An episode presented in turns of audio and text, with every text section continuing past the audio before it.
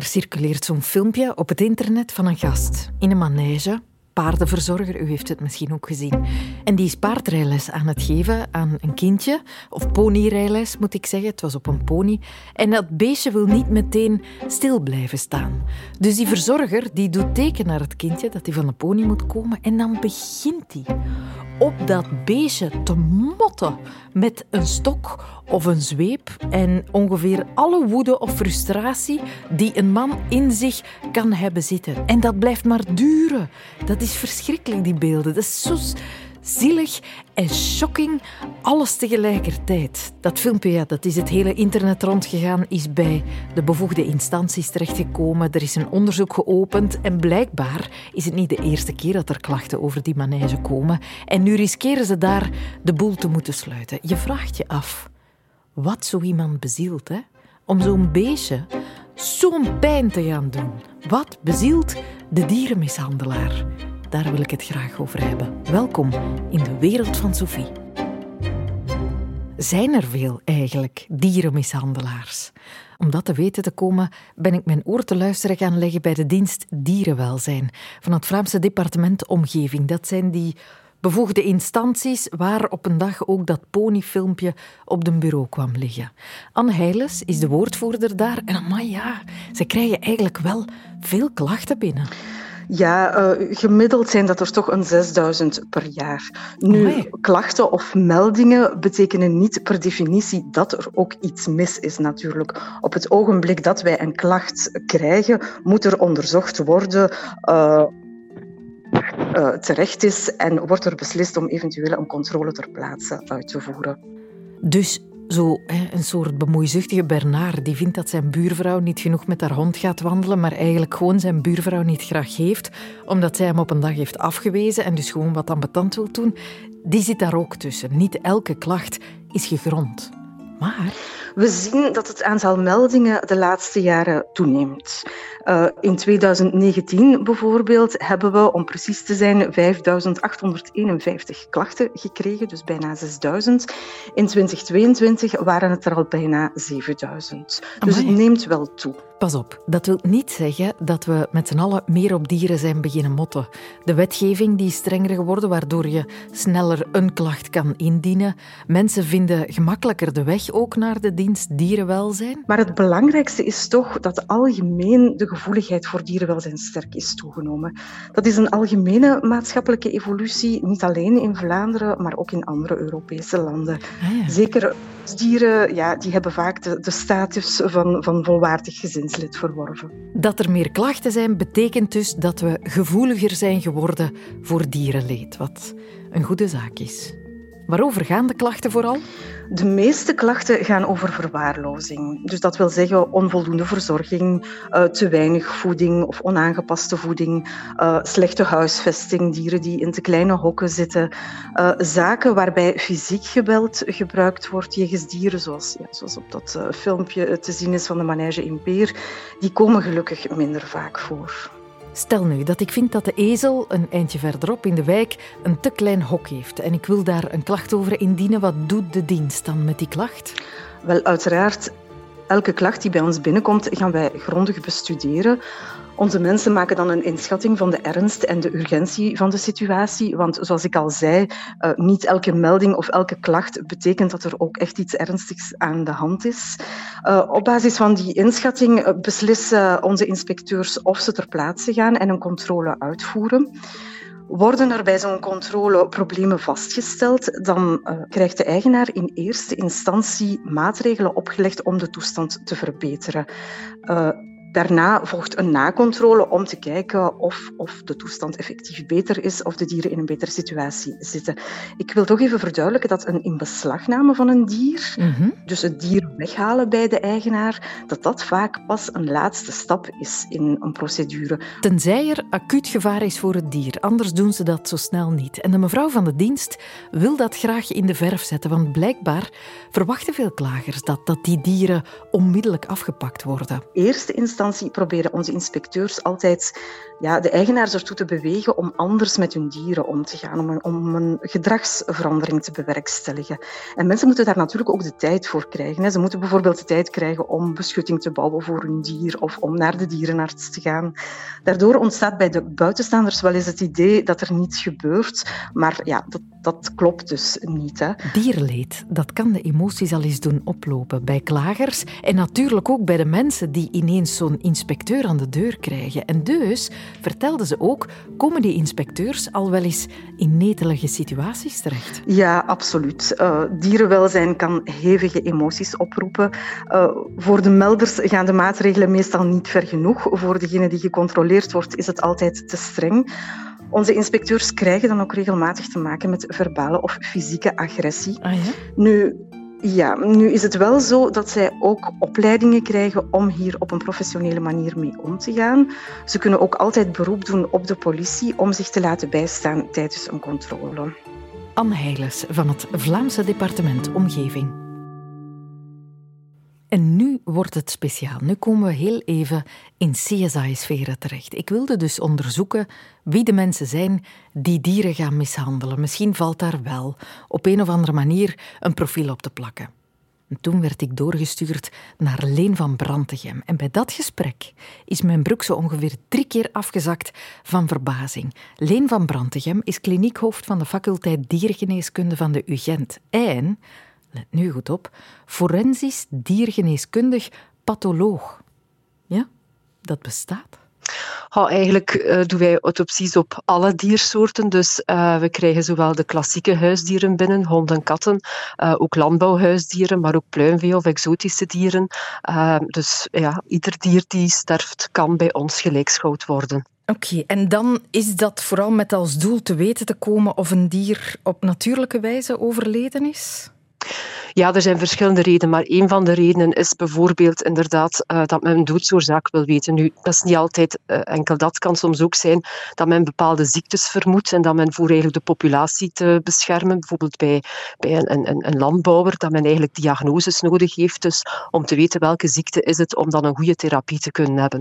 Dus dat is één zaak, maar inderdaad, dan hebben we er ook waarvan men vermoedt dat er mishandeling in het spel is en waar dat dan eigenlijk gevraagd wordt van kijk, kan je kijken waarom het dier eigenlijk gestorven is en wat er tevoren eigenlijk de laatste minuten of uren met het dier gebeurd is voordat hij gestorven is. Maar ja, als u dat soort dieren voor u heeft, valt het op? Zijn er dieren die meer mishandeld worden dan andere dieren, bijvoorbeeld? Ja, dus wat ik nu van spreek is van onze huisdieren. Hè. Dus, en inderdaad, ja, je ziet wel dat er meer honden en katten mishandeld worden. Um, maar natuurlijk, we moeten dat in de context steken. Er zijn ook meer honden en katten aanwezig als huisdier in, in België. En natuurlijk daarbij komend ook, ja, een hond en een kat leeft ja, in nauw contact eigenlijk in het huisgezin. Dus um, ja, als we dan bijvoorbeeld spreken over er intrafamiliaal geweld, je kan eigenlijk een hond en een kat zien als ja, een deel van het gezin. En dat is ook hoe dat meeste mensen hun, hond en hun kat of hun huisdier momenteel zien als een gezinslid. En wanneer er bijvoorbeeld intrafamiliaal geweld in een gezin aanwezig is, ja, dan zal evengoed de partner of het kind slachtoffer kunnen zijn, maar ook natuurlijk het huisdier dat, dat daar ook in dat gezin rondloopt. Amai, wauw. Er is een link tussen dierenmishandeling en intrafamiliaal geweld. Die gaan vaak samen. Absoluut, absoluut. Uh, ja, intrafamiliaal geweld is eigenlijk de meest voorkomende vorm van geweld in onze samenleving. En ja, het, het, huisdier zit daar ook als een deel in dat gezin eigenlijk. Je moet het simplistisch je zo voorstellen. Ja, het, en wat er dan een dader eigenlijk op, op een moment een kind een klap geeft, of de hond die, die juist passeert uh, een, een stamp krijgt. Ja, dat zijn twee, twee mechanismen die eigenlijk hetzelfde zijn. En um, het is ook zo dat bijvoorbeeld huisdieren huisdierenmishandeling, dus in het gezin waar er ook kader is, eh, in het kader van intrafamiliaal geweld, dat die huisdierenmishandeling gezien wordt als eigenlijk een high risk voor dodelijke afloop hè, van eigenlijk uh, het humane geweld dat aanwezig is. Dat is ook opgenomen in de risicoanalyses bij parketten en politie. Dus dat is zeker erkend dat dus huisdiermishandeling een heel belangrijke factor is. Ja, ja, dus het opmerken van dierenmishandeling kan een eerste signaal zijn dat er binnen een gezin, binnen een familie, meer geweld plaatsvindt.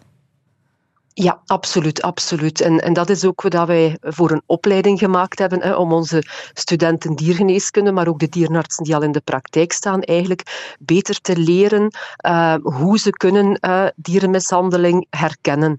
Uh, omdat dierenmishandeling, ja, het is eigenlijk iets dat soms heel gemakkelijk te herkennen is, maar soms ook heel moeilijk. En net zoals een baby niet niet kan vertellen wat hem overkomen is, kan een huisdier het ook niet zeggen wat is mij hier overkomen.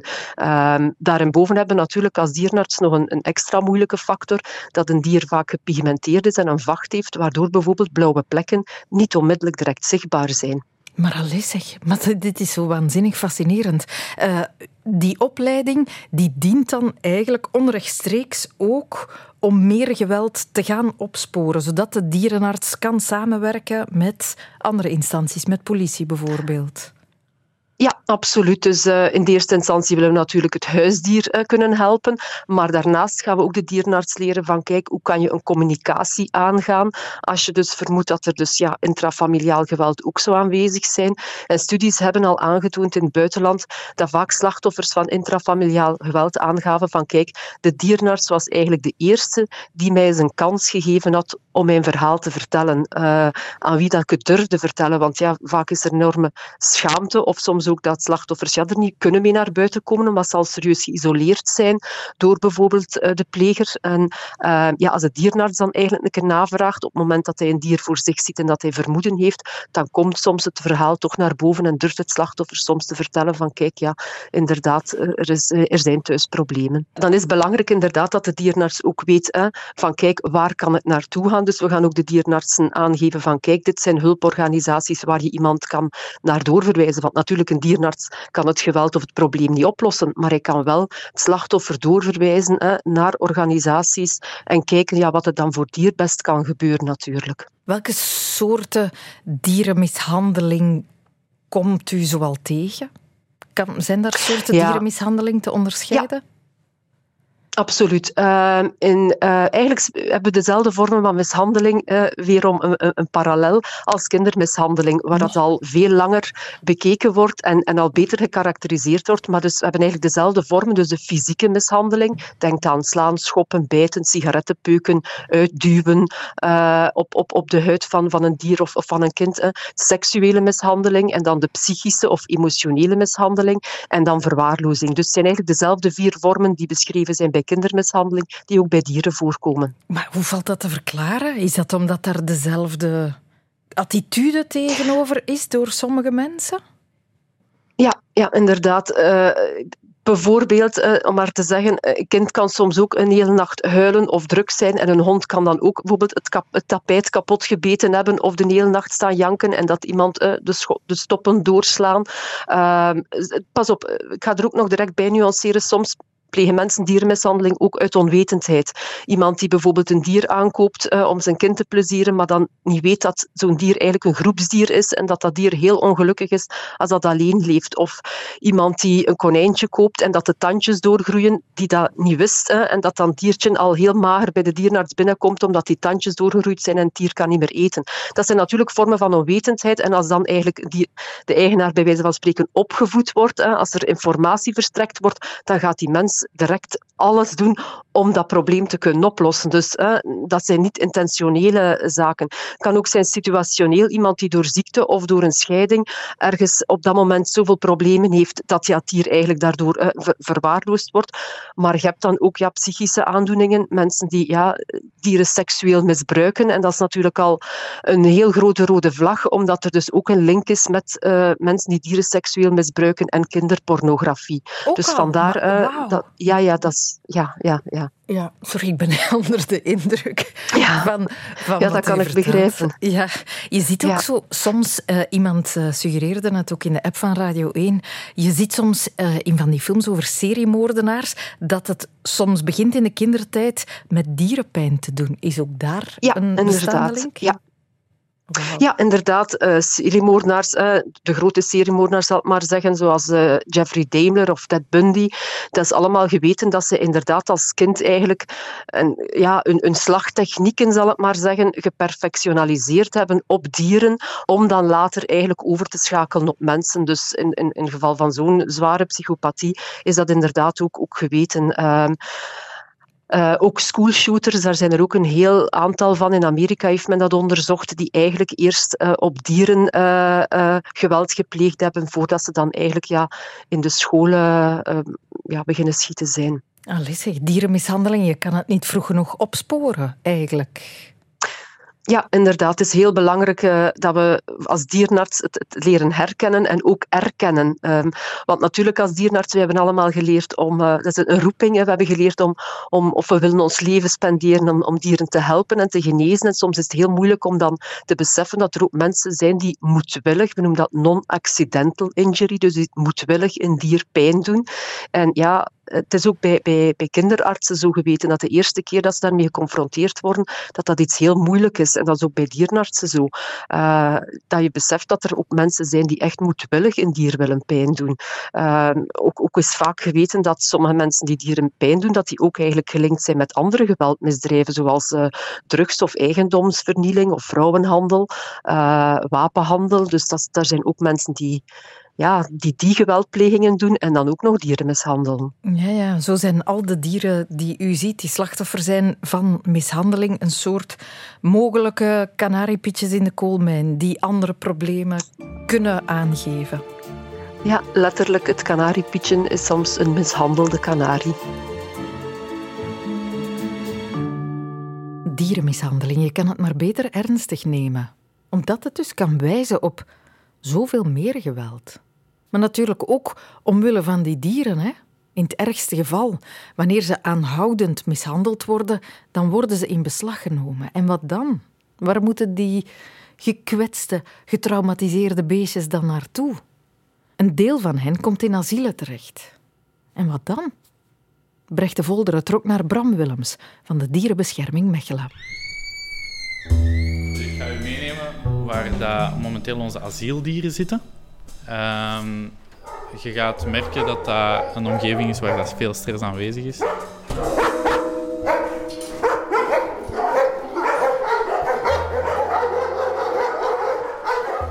Ja, Bram, ik was auditief hier niet zo goed op voorbereid, denk ik. Eh. Ja, dat begrijp ik. Dat begrijp ik. Uh, jammer genoeg hoort dat erbij. We zorgen ervoor dat we zoveel mogelijk die stress kunnen reduceren. Um, maar die beestjes die willen graag buiten, die willen graag bij mensen zijn. En als ze mensen zien, dan zijn ze natuurlijk ook blij van ons te zien. Um, zeker als het over de verzorger gaat en de vrijwilligers dat ze kennen, staan ze klaar om uh, mee te gaan wandelen of een sociaal momentje te doen. Dit is de stille kant. Of toch niet? Nee, ja. Een vreemd gezicht helpt natuurlijk niet.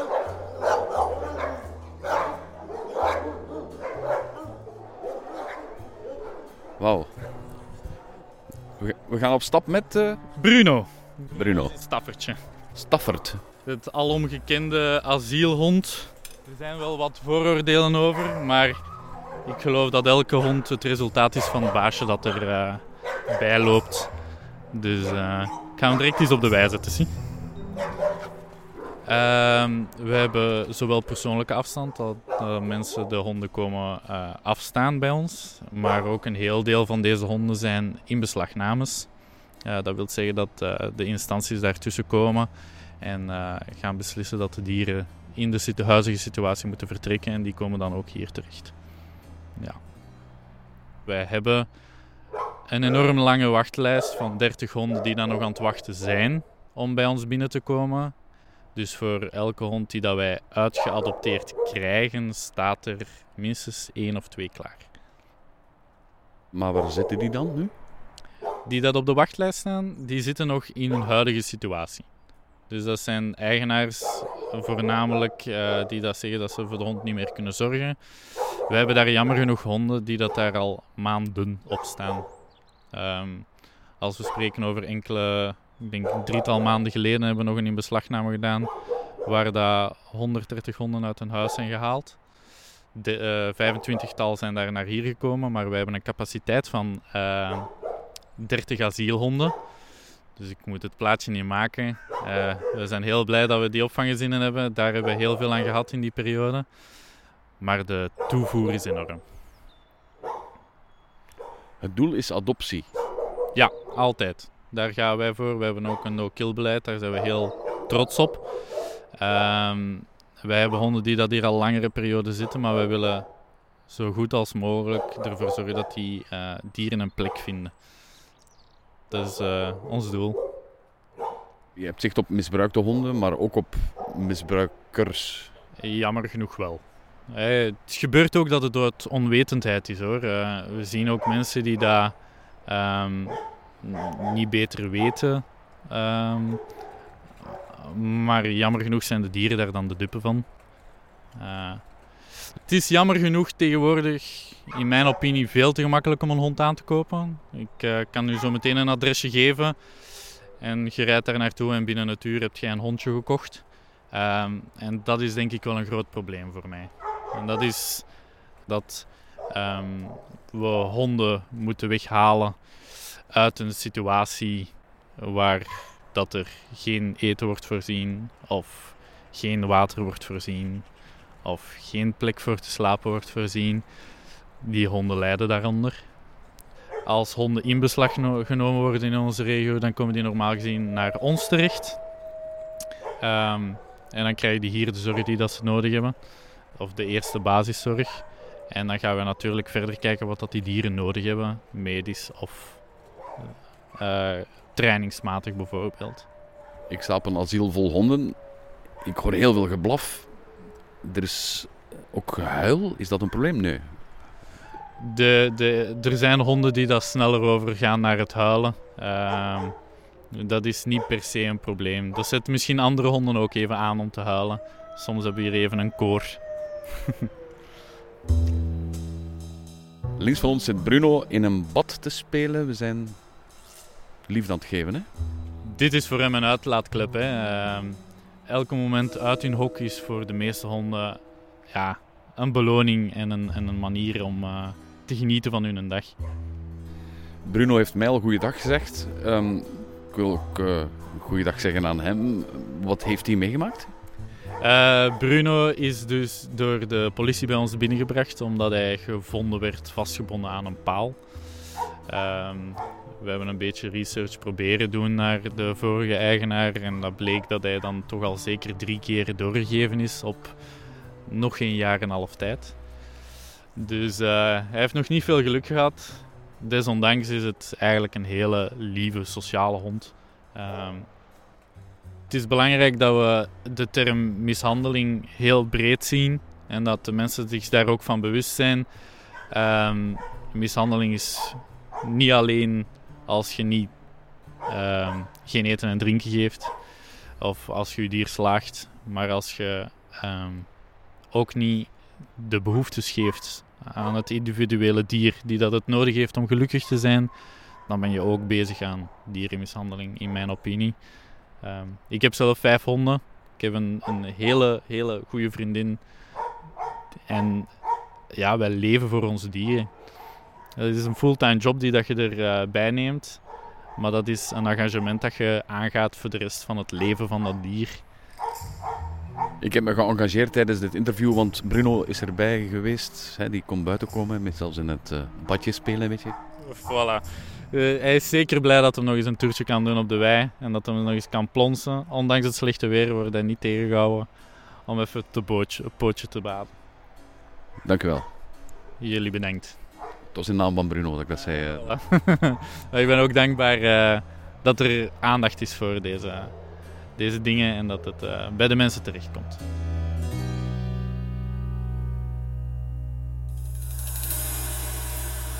Bram behoort tot de jongste generatie dierenbeschermers.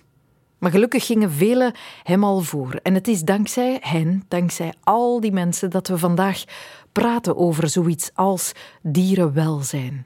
Sommige van die vroegere dierenvrienden, dat waren trouwens zeer verrassende namen. Dat ontdekte Wart Bogaert. Bij de oude Grieken is een verrassende naam die we in dit opzicht moeten noemen. Bijvoorbeeld Pythagoras. Pythagoras van Samos, de man die wij nu kennen van zijn stelling, hè, die verweet ons allemaal een vorm van hypocrisie als het over onze omgang met dieren ging. Hij schrijft: Hoe slecht is de gewoonte en hoe goddeloos de aanslag op eigen bloed als mensen met hun zwaard een jonge koe de keel doorklieven en haar zonder medelijden laten klagen. Als men een bokje dat om hulp roept als een angstig kind kan slachten of kan smullen van een vogeltje waarvan men zelfs altijd graantjes gaf, waaraan men zelfs altijd graantjes gaf. Hoe klein is het verschil met wat een echte misdaad heet, terwijl u de gewrichten van lam en kalf eet, weet dan dat uw feest van goede vrienden en buren was. Dus hij verwijt ons hypocrisie. Hij zegt, wij hebben er altijd zo van geprofiteerd van, de, van die dieren. En als dank, wat doen we? We slachten ze. En hij trekt dat op persoonlijk niveau heel consequent door, door bijvoorbeeld alleen linnen kleren te dragen en er ook een heel strikt vegetarisch dieet op na te houden. Leonardo da Vinci, een paar eeuwen later, die dacht daar trouwens net zo over. De man ah, ja? was, ja, dat was een vurig strijder voor het welzijn van de dieren. Je kan je afvragen hoe universale een uomo kan zijn. Maar ook daar hield hij zich dus mee bezig. Hij maakte er bijvoorbeeld een sport van om, als hij ergens een vogeltje in een kooi zag zitten, om die vogelkooi open te zetten, om de vogel te laten ontsnappen. Schattig. Ja, zou daar heel vaak ruzie mee gekregen hebben waarschijnlijk met de eigenaars van die vogels. Maar net als bij Pythagoras trok hij dat ook heel consequent door in zijn levensstijl. Hij droeg alleen linnen kleren, uh, had, had, een, uh, een uh, vegetarisch dieet en hij voorspelde onder andere, want dat doet hij dus ook, de toekomst voorspellen, dat de tijd zal komen dat mensen het slachten van dieren gelijk zullen stellen aan het vermoorden van mensen. Shit, ja. Over dierenmishandeling gesproken. Je denkt meteen aan van die bruten, hè, die ponies afmotten en katten verminken en hun hond zijn haar niet kammen. Maar wat met heel die vleesindustrie? Het lijkt alsof we onze huisdieren en de dieren in de veeteelt totaal anders bekijken en dus ook totaal anders gaan behandelen. Hoe komt dat eigenlijk? Dat besprak ik met Eva Bernet Kempers, onderzoeker dierenrecht aan de Universiteit Antwerpen. Ja, dat is inderdaad een soort hele cognitieve dissonantie, een soort hypocrisie, dat, die je niet alleen ziet in gewoon de manier waarop we over dierenmishandeling praten. Als het gaat om een pony of een kat, dan is er iets verschrikkelijks aan de hand. Mm-hmm. Maar als, als het gaat om een varken of een, of een koe in de in de vee-industrie, dan is dat veel minder eh, gesprek van de dag. En dat zie je ook terug in de wetten. Daar is eigenlijk ook een soort discriminatie gaande. Want bijvoorbeeld met het castreren van dieren, dan zijn er hele strenge regels als het gaat om huisdieren. Er moet altijd een, een, verdoving zijn en moet gedaan worden door een gecertificeerde dierenarts. Terwijl met, met, met varkens bijvoorbeeld in de vee-industrie zijn die regels veel minder streng en kan dat in feite gewoon door boeren zelf worden gedaan. Dus daar zie je ook die discriminatie terug. Hetzelfde met het, de, de ruimte waarin je een dier houdt.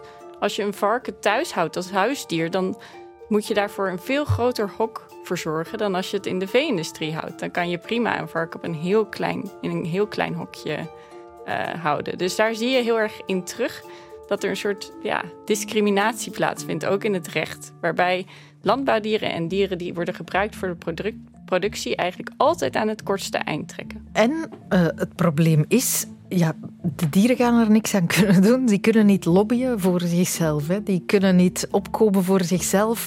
Uh, wij bepalen om wie we ons bekommeren en om wie niet.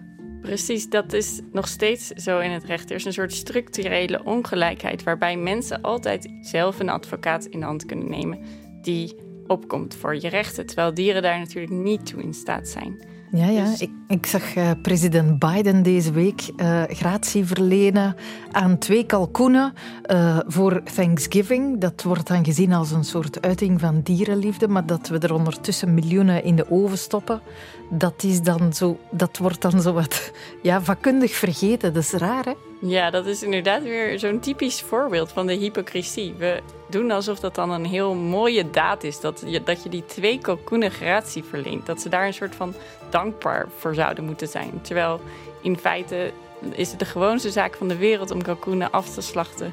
En, en hun hele leven in kleine hokjes te houden. Dus dat is inderdaad een voorbeeld van, van die hypocrisie en die structurele ongelijkheid. Waarbij dieren niet in staat zijn om zelf voor hun rechten op te komen. Of advocaten dat ook niet kunnen. En ze eigenlijk volledig afhankelijk zijn van dierenbeschermingsorganisaties. Ja, het bleek al uh, een paar keren tijdens deze uitzending. Ons bewustzijn voor dierenwelzijn is gegroeid met de tijd. We vinden het belangrijk dat dat gewaarborgd wordt. Dierenrechten, dieren echt als rechtspersonen gaan zien, dat lijkt vandaag nog een stapje te ver te gaan. Ja, dat klopt. Er is een soort tweedeling ook binnen de discipline van het dierenrecht. Tussen dierenwelzijn aan de ene kant en dierenrechten aan de andere kant. Dierenwelzijn is dus een beetje het huidige paradigma waarin uh, het wordt toegestaan en het gelegitimeerd wordt bevonden om dieren te gebruiken voor allerlei doeleinden, zolang we hun onnodig lijden minimaliseren. Maar wat dat onnodig lijden is, dat is een beetje. Voor interpretatie vatbaar. Precies, dat is voor heel brede interpretatie vatbaar. Dus dat kan je zo interpreteren dat in feite bijna alles erdoor wordt gelegitimeerd. Aan de andere kant staat dierenrechten, dus dat is meer de abolitionistische richting. Het, het, het protest, het activisme, waar, waarbij wordt gezegd dat binnen dat, dat economische systeem van het gebruik van dieren kunnen dieren nooit behoorlijk worden beschermd. Dus we moeten echt die switch maken van dieren als voorwerp en object zien naar dieren als persoon zien, als rechtspersonen met fundamentele rechten. Dus die tweedeling, dat is een soort centraal debat binnen discipline. Maar inderdaad, zoals je aangaf, denk ik niet dat het realistisch is dat die switch binnen heel beperkte korte tijd zal plaatsvinden. Ja, waar gaan we op een, gaan we op een dag belanden in de situatie dat we dieren als helemaal gelijkwaardig aan de mens gaan zien? Helemaal gelijkwaardig, dat vind ik altijd een lastig concept. Want ik denk, iedereen is anders. Alle dieren zijn anders. Alle soorten hebben hele andere wensen en, en, en noden. Dus gelijkwaardig. Ik zou eerder zeggen, ik hoop dat we toegaan naar een samenleving waarin elk individu zich gewoon kan ontplooien als het soort dier dat het is, als het soort wezen dat het is, mens of dier. En dat we dus onze samenleving ook meer zo inrichten dat dat mogelijk wordt voor iedereen en we in een meer harmonische manier samenleven. We zijn een weg aan het afleggen. En we hebben ook al een serieuze weg afgelegd. Dat blijkt niet alleen uit de verontwaardiging die ontstaat bij dat soort ponyfilmpjes en uit de verhitte discussies die er gevoerd worden over dierenrechten en zo. Een andere getuige daarvan is te zien in veel van onze favoriete films en televisiereeksen. Vincent Bilot. Dat klopt. De beste illustratie van onze toegenomen zorg om dierenwelzijn, het beste bewijs dat we dieren al maar beter zijn gaan behandelen, dat is een zinnetje dat je na bijna elke film en iedere tv-serie ziet verschijnen in de eindaftiteling. Want welke zin rolt er standaard over het scherm op het einde van een film? The end. Net daarvoor zie je No animals were harmed in the making ah, ja, ja, ja, of this film. Bij het maken van deze film zijn geen dieren gewond geraakt. En vaak staat er nog bij. Scenes showing harm to animals were simulated. Als er al dieren in de film gewond raken, dan is dat in scène gezet of wordt er gedaan alsof. Een standaard zinnetje, zeg ik nu, Sophie, want het lijkt toch vanzelfsprekend dat dieren ook op een filmset goed behandeld worden en dat ze geen pijn worden gedaan. Wel, dat is heel lang niet zo evident geweest. Integendeel, de Amerikaanse filmindustrie heeft een lange traditie van dierenmishandeling. Ja? Tot diep in de jaren 70 was daar eigenlijk nauwelijks controle op wat er met dieren gebeurde op een filmset. En was het bij het draaien van films eigenlijk, ja, was eigenlijk zo als alles gepermitteerd, ook de gruwelijke mishandeling van dieren. We weten zelfs wie het eerste slachtoffer was, het allereerste dier dat ooit voor het oog van een camera mishandeld werd. Topsy de olifant. Maar direct een olifant. Met de naam erbij ook. Hè. Dus Topsy, een Aziatische olifant die op het einde van de 19e eeuw van Zuidoost-Azië naar Amerika wordt verscheept om daar kunstjes op te voeren in een rondtrekkend circus. Alleen wanneer Topsy bij een incident een bezoeker vertrappelt, wordt ze verkocht aan een pretpark op Coney Island in New York. Maar ook daar weten ze eigenlijk niet goed wat ze met die Topsy moeten aanvangen. hè. Ze krijgen dat beest eigenlijk niet goed getemd. Enfin, die olifant wordt een blok aan hun been. Een, nog een groot blok ook, natuurlijk. En dus vinden de uitbaters van dat pretpark er niets beters op dan Topsy bij wijze van stunt publiekelijk op te hangen. Sorry, Ze willen Het is effectief- niet grappig. Nee, dat een is niet olifant, kan je dat... Hoe doe je dat? Ah, wel, dat weten we niet, want ze wilden dus effectief kaartjes verkopen om de ophanging bij te wonen van Topsy, de olifant. Maar dat lokte uiteraard eh, protest uit, niet het minst van dierenrechtenorganisaties. En uiteindelijk verzinnen de eigenaars in samenspraak met de protestbewegingen een alternatief plan. En ze sluiten ook een deal met niemand minder dan Thomas Edison om het evenement te filmen. Want we De? schrijven de Thomas Edison. We schrijven 1903. De film is eigenlijk nog maar net uitgevonden. Thomas Edison is een van de eerste filmmakers die niet alleen bewegend beeld kan vastleggen, maar ook kan vertonen tegen betaling. En het is dus zijn filmploeg die op 4 januari 1903 het trieste lot van Topsy de olifant registreert. Want wat zien we in dat filmpje van 74 seconden? Topsy wordt eerst gedrogeerd door haar wortelen te voederen waarin een halve kilo cyanide is verwerkt. Vervolgens brengen ze elektrodes op haar aan en sturen ze 10 seconden lang 6600 volt elektriciteit door haar lijf. Maf. Je ziet dus dat arme beest eerst trillen en schudden. Dan komt er rook van onder haar poten en uit haar slurf. En uiteindelijk valt ze gewoon neer. Dat filmpje is nota bene het allereerste bewegende beeld van een stervend dier. En het is al meteen zo'n vreselijke folterdood. Onvoorstelbaar. Ja, dat filmpje van Topsy de olifant is ja, eigenlijk ook een beetje de eerste snuff-movie, zou je kunnen zeggen. Mhm. Eh, nog zo'n slachtoffer van de filmindustrie is eh, deze brulboei. Herken je hem? Nee. Het is de leeuw die je ziet brullen in de begingeneriek van alle films die geproduceerd worden door MGM. Ah ja. Nu weet je wel over wie ik het heb. Ja, ja. Leo the Lion heet hij. Al zijn er in de loop van de geschiedenis dus vier verschillende leeuwen die eh, de rol van Leo the Lion hebben gespeeld. En de bekendste die heette in het echt Jackie. En Jackie, dat beseften ze toen niet, maar nu wel. Jackie is alles behalve goed behandeld. Jackie speelde bijvoorbeeld ook mee in de Tarzan-films uit de jaren 20 en raakte bijvoorbeeld gewond bij een ontploffing in de studio. Maar wat nog veel erger is, Sophie, Jackie die werd als mascotte van MGM voortdurend op tournee gestuurd, als een soort bezienswaardigheid. En bij al dat rondreizen raakte Jackie twee keer gekneld bij een treinongeval. Hij verdronk ijzona bij een scheepsramp en hij overleefde ternauwernood een vliegtuigcrash. Amai, jong. In september nogal trauma 1927 hebben, was dat, ja. Er moest een piloot hem helemaal van San Diego aan de westkust van de Verenigde Staten overvliegen naar de oostkust.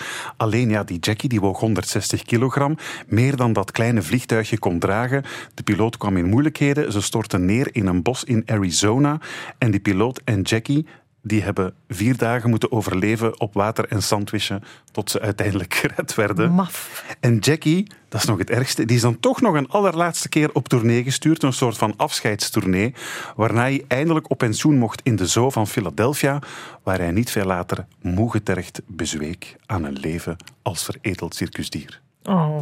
Maar dan, in de jaren 30, is er één film, Sophie, die het publiek toch plots een beetje bewust maakt van het lot van al die filmdieren. En dat is de film Jesse James, een western uit 1939 over de legendarische Amerikaanse outlaw Jesse James. In die film worden Jesse James en zijn handlanger op een bepaald moment achterna gezeten te paard. Ze worden in het nauw gedreven bovenaan een klif die uittorent boven een rivier. En dan, dan doen ze dit. Hold tight, Jesse, because there's only one way out of here. Ze geven hun paard de sporen en ze springen met paard en al van die klif. Wauw. Hopla. En nog één. Ze belanden dus 20 meter lager in het water. Nu, die acteurs hebben zich natuurlijk laten vervangen door een stuntman, maar de paarden, die zijn wel echt.